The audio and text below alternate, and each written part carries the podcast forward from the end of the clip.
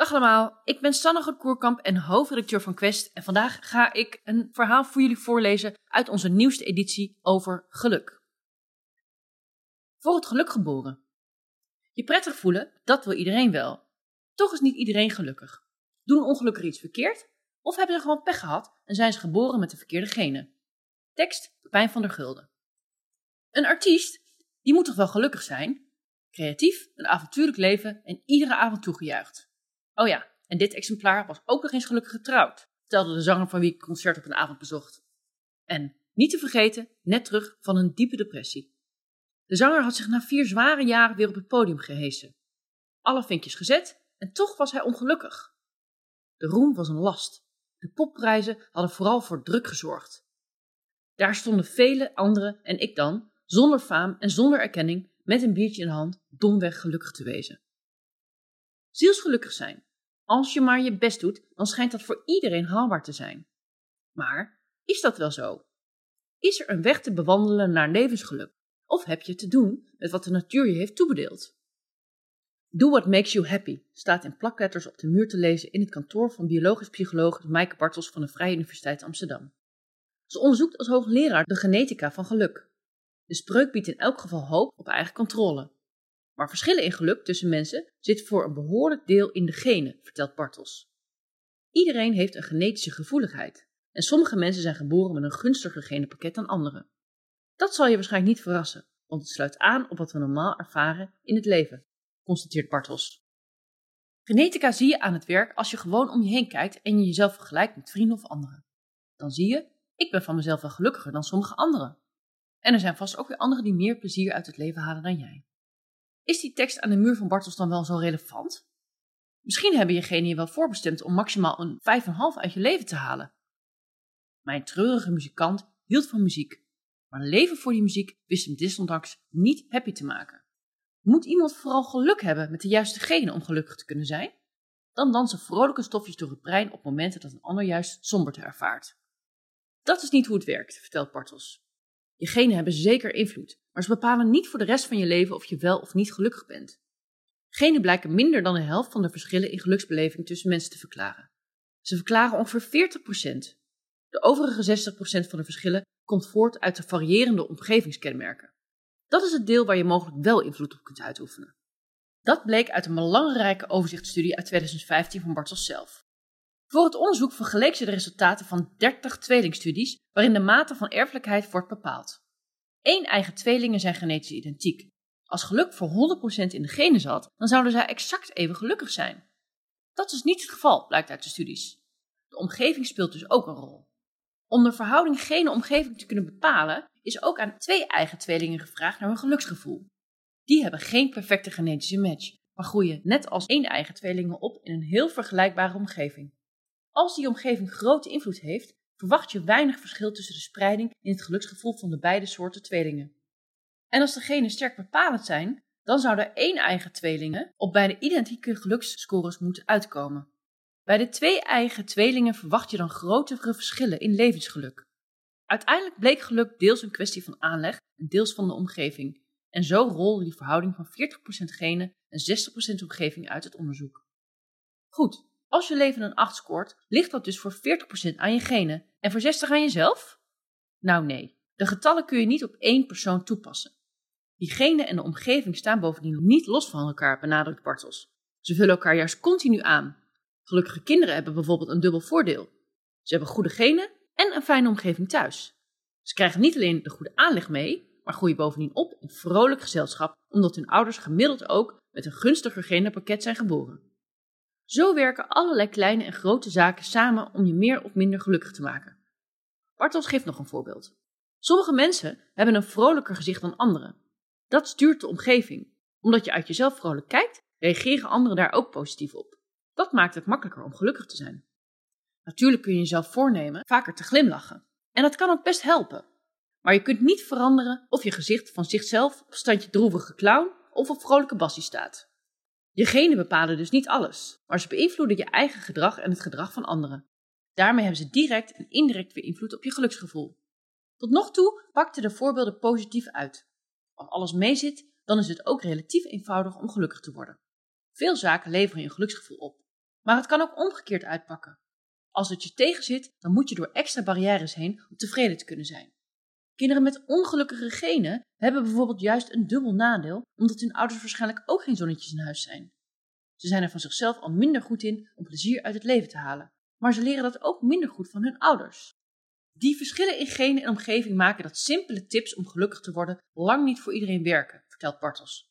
Van de kleine dingetjes genieten, dat schijnt zo'n geluksrecept te zijn. Maar een rood borstje dat langs hupst, roept niet in ieders brein direct hetzelfde positieve soepje op. Waar mensen van kunnen genieten, zit deels in de persoon opgesloten, benadert Bartels. Mensen die van sport houden, vinden het onbegrijpelijk dat er mensen zijn die niet sporten. Maar sport levert niet voor iedereen hetzelfde geluksgevoel op. Als de bankzitters zich ook euforisch zouden voelen door te sporten, dan waren ze heus ook wel gezwicht. Dan was sporten een verleiding geweest en geen opgave. Daar is volgens Bartels wel een belangrijke les uit te halen. Er is geen vaste checklist voor een fijn leven. Zelf nam ze recent weer een abonnement op de sportschool. Even met gewicht in de weer, dat maakt de mens toch gelukkig? Bartels zegt, ik ben een keer of vier gegaan. Het bleek gewoon weer een waste of money. Dan ga ik en dan denk ik, ik vind dit zo afschuwelijk. Ik ben meteen weer gestopt met dat binnensporten.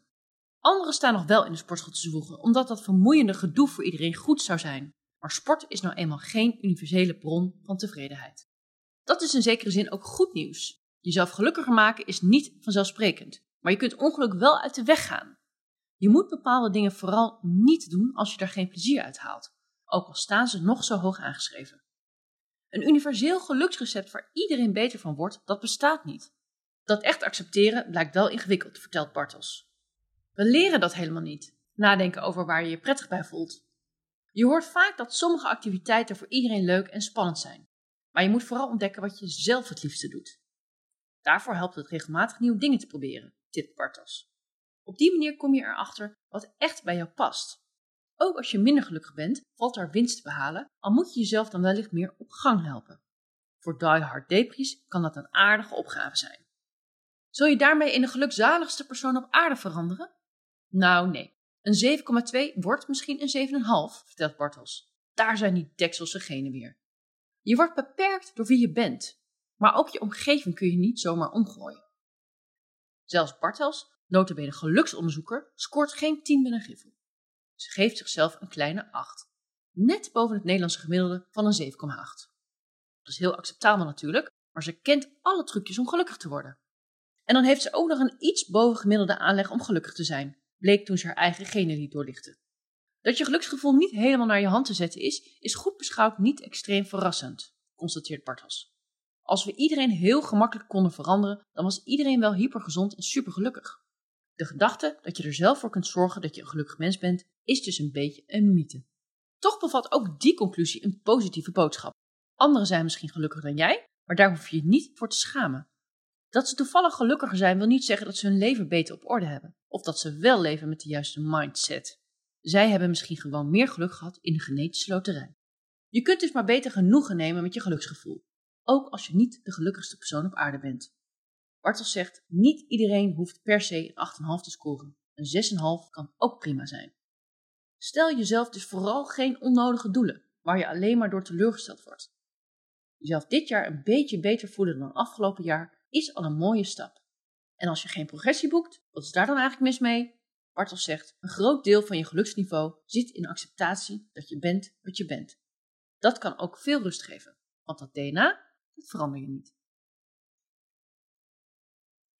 Dit was het verhaal. Vond je dit nou leuk? Luister dan verder, want ik heb nog een paar korte fragmenten over geluk. Eenzame tweelingen. De tweeling is een zegen voor wetenschappers. In Nederland bestaat zelfs het Nederlands Tweelingenregister om onderzoek te doen naar genetische en omgevingsinvloeden op gedrag, gezondheid en leefgewoontes. Maaike Bartels vond in een van haar onderzoeken in het tweelingenregister bijzondere een-eigen tweelingen, waarvan de ene helft heel gelukkig was en de andere helft heel ongelukkig. Dat lijken ideale gevallen om te bepalen welke zaken nu echt ons levensgeluk beïnvloeden. Wat maakt de ene tweelinghelft zo blij terwijl de andere diep in de put zit? Helaas, er kwamen geen spectaculaire resultaten uit het onderzoek, zegt Bartels. Ongelukkig zijn hing bijvoorbeeld wel samen met eenzaamheid, maar dat legt nog niet uit waar die eenzaamheid vandaan komt. Een echte verklaring vonden we niet, al kun je daar ook wel wat uit concluderen. Geluk is geen simpele formule van het slag vrienden, dus hobby's, min zorgen, is blijdschap. Genetische benadering. Geluk zit in onze genen, of in elk geval, hoe gelukkig mensen zich voelen, blijkt met bepaalde genen samen te hangen. Er zijn nu 304 plekken in ons DNA ontdekt die verschillen in geluk verklaren. Maar biologisch psycholoog Maaike Bartels verwacht dat er uiteindelijk wel duizend gevonden worden. Via allerlei wegen beïnvloedt ons genenpakket ons levensgeluk. Hebben we eigenlijk wel wat aan die kennis? Bartels denkt dat mensen met psychische problemen op termijn genetisch gescreend kunnen worden voor ze in therapie gaan. Ze zegt: Ik verwacht dat we mensen gerichter kunnen gaan behandelen. Dat gebeurt al bij chemotherapie. Kankerpatiënten krijgen een behandeling die aansluit op hun genetische aanleg. Zoiets zou ook kunnen bij geestelijke problemen. Als iemand duidelijk genetische aanleg heeft voor depressies, ligt een andere behandeling met medicijnen misschien wel voor de hand. Een ander die van zichzelf vrij vrolijk is, maar in de put zit door traumatische ervaringen, is met het aanpakken van die trauma's waarschijnlijk beter geholpen. Gelukkige gedachten. Een depressie zul je er niet magisch mee genezen, maar er zijn wel trucjes om te werken aan je geluksgevoel. Daarom hier de nodige tips, rechtstreeks van geluksdeskundige Maaike Bartels. Oefen je optimisme. Er zit altijd wel iets tegen, maar er zit ook veel mee. Het kan helpen om meer op de positieve zaken te concentreren. Het is een cliché, maar het half lege glas is ook half vol. 2. Kleine daden kunnen jezelf en anderen vrolijker maken. Stuur eens een kaartje naar een vriend of laat een reep chocolade achter voor de volgende treinreiziger. Als je het doet omdat je het leuk vindt, word je er gelukkiger van. 3. Aan het eind van elke dag even nagaan wat voor positieve dingen je hebt meegemaakt, kan helpen om je te realiseren dat je een leuk leven hebt. Maar tel je zegeningen is geen recept voor iedereen. Voor sommigen is het een eye-opener. Voor anderen kost het zoveel moeite dat ze er ongelukkiger van worden. Dan moet je ermee stoppen. Leven vol pech. Er zit nog een belangrijk aspect aan levensvreugde. Pech of geluk. Als je ouders vroeg overlijden of je een ernstige ziekte krijgt, dan heeft dat logischerwijs invloed op je gemoedstoestand. Uit onderzoek blijkt dat mensen met weinig van zulke nare levensgebeurtenissen gelukkiger zijn. Dat is ook op wereldschaal terug te zien. In landen met oorlog of armoede zijn mensen minder gelukkig dan in vredige, welvarende staten. Toch zijn ook gebeurtenissen niet alles bepalend. Hoe je ermee omgaat hangt van de persoon af. Dat blijkt uit de studie uit 2019 onder mensen die 9-11 in New York meemaakten. Die tragedie beïnvloedde ieders leven, maar niet iedereen ging op dezelfde manier om met het leed. Ongeveer 1 op de 6 ondervraagden was nog steeds niet gelukkig vanwege de rampspoed 15 jaar eerder, maar de meesten hadden de draad wel weer opgepakt. Koop je gelukkig. Materiële zaken? Geef daar nou niet om. Ervaringen, daar draait het leven om. Als je niet geeft om je banksaldo of de grootte van je autovelgen, zou je volgens sommige goeroes gelukkiger zijn. Biologisch psycholoog Maaike Bartels van de Vrije Universiteit Amsterdam kraakt die mythe. Sommige mensen willen wel heel graag een eigen koophuis of de nieuwste iPhone. Dan kan het aanschaffen van zo'n apparaat heus bijdragen aan het geluksgevoel. Je moet zulke aankopen alleen niet doen omdat iedereen een nieuwe telefoon heeft en jij niet meer met een oude Nokia durft te lopen. Ook al ben je daar best tevreden mee. Mensen moeten het zelf willen.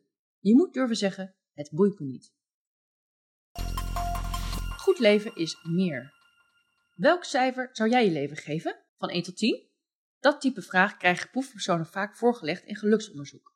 Voel ik mij de meeste dagen opgewekt? Vraag je je dan misschien af? Dan geef je leven een 7. Is het elke dag feest? Dan scoor je misschien wel een 9. Maar dat is eigenlijk een heel beperkte invulling van een goed leven, vindt filosoof Bruno Verbeek van de Universiteit Leiden. Ook als je je niet elke dag prettig voelt, kun je een goed leven leiden. Dat kan bijvoorbeeld door dienstbaar werk te doen en van betekenis te zijn voor anderen. En andersom, leven als een influencer, waarbij je je vrolijke momenten op bijzondere plekken spaart, kan ook een leeg bestaan zijn. Als gelukkig zijn het hoogste doel is, kun je misschien het beste elke avond naar de kroeg gaan. Maar om een waardevol leven te leiden, loont het misschien meer om je te verdiepen in maatschappelijke ongelijkheid en in de druilregen te vernikkelen tijdens een protestmars. Dat voelt misschien niet aangenaam, maar wel waardevol. Modern geluksonderzoek probeert zo'n breed gevoel van een waardevol leven te meten, benadrukt onderzoeker Maaike Bartels.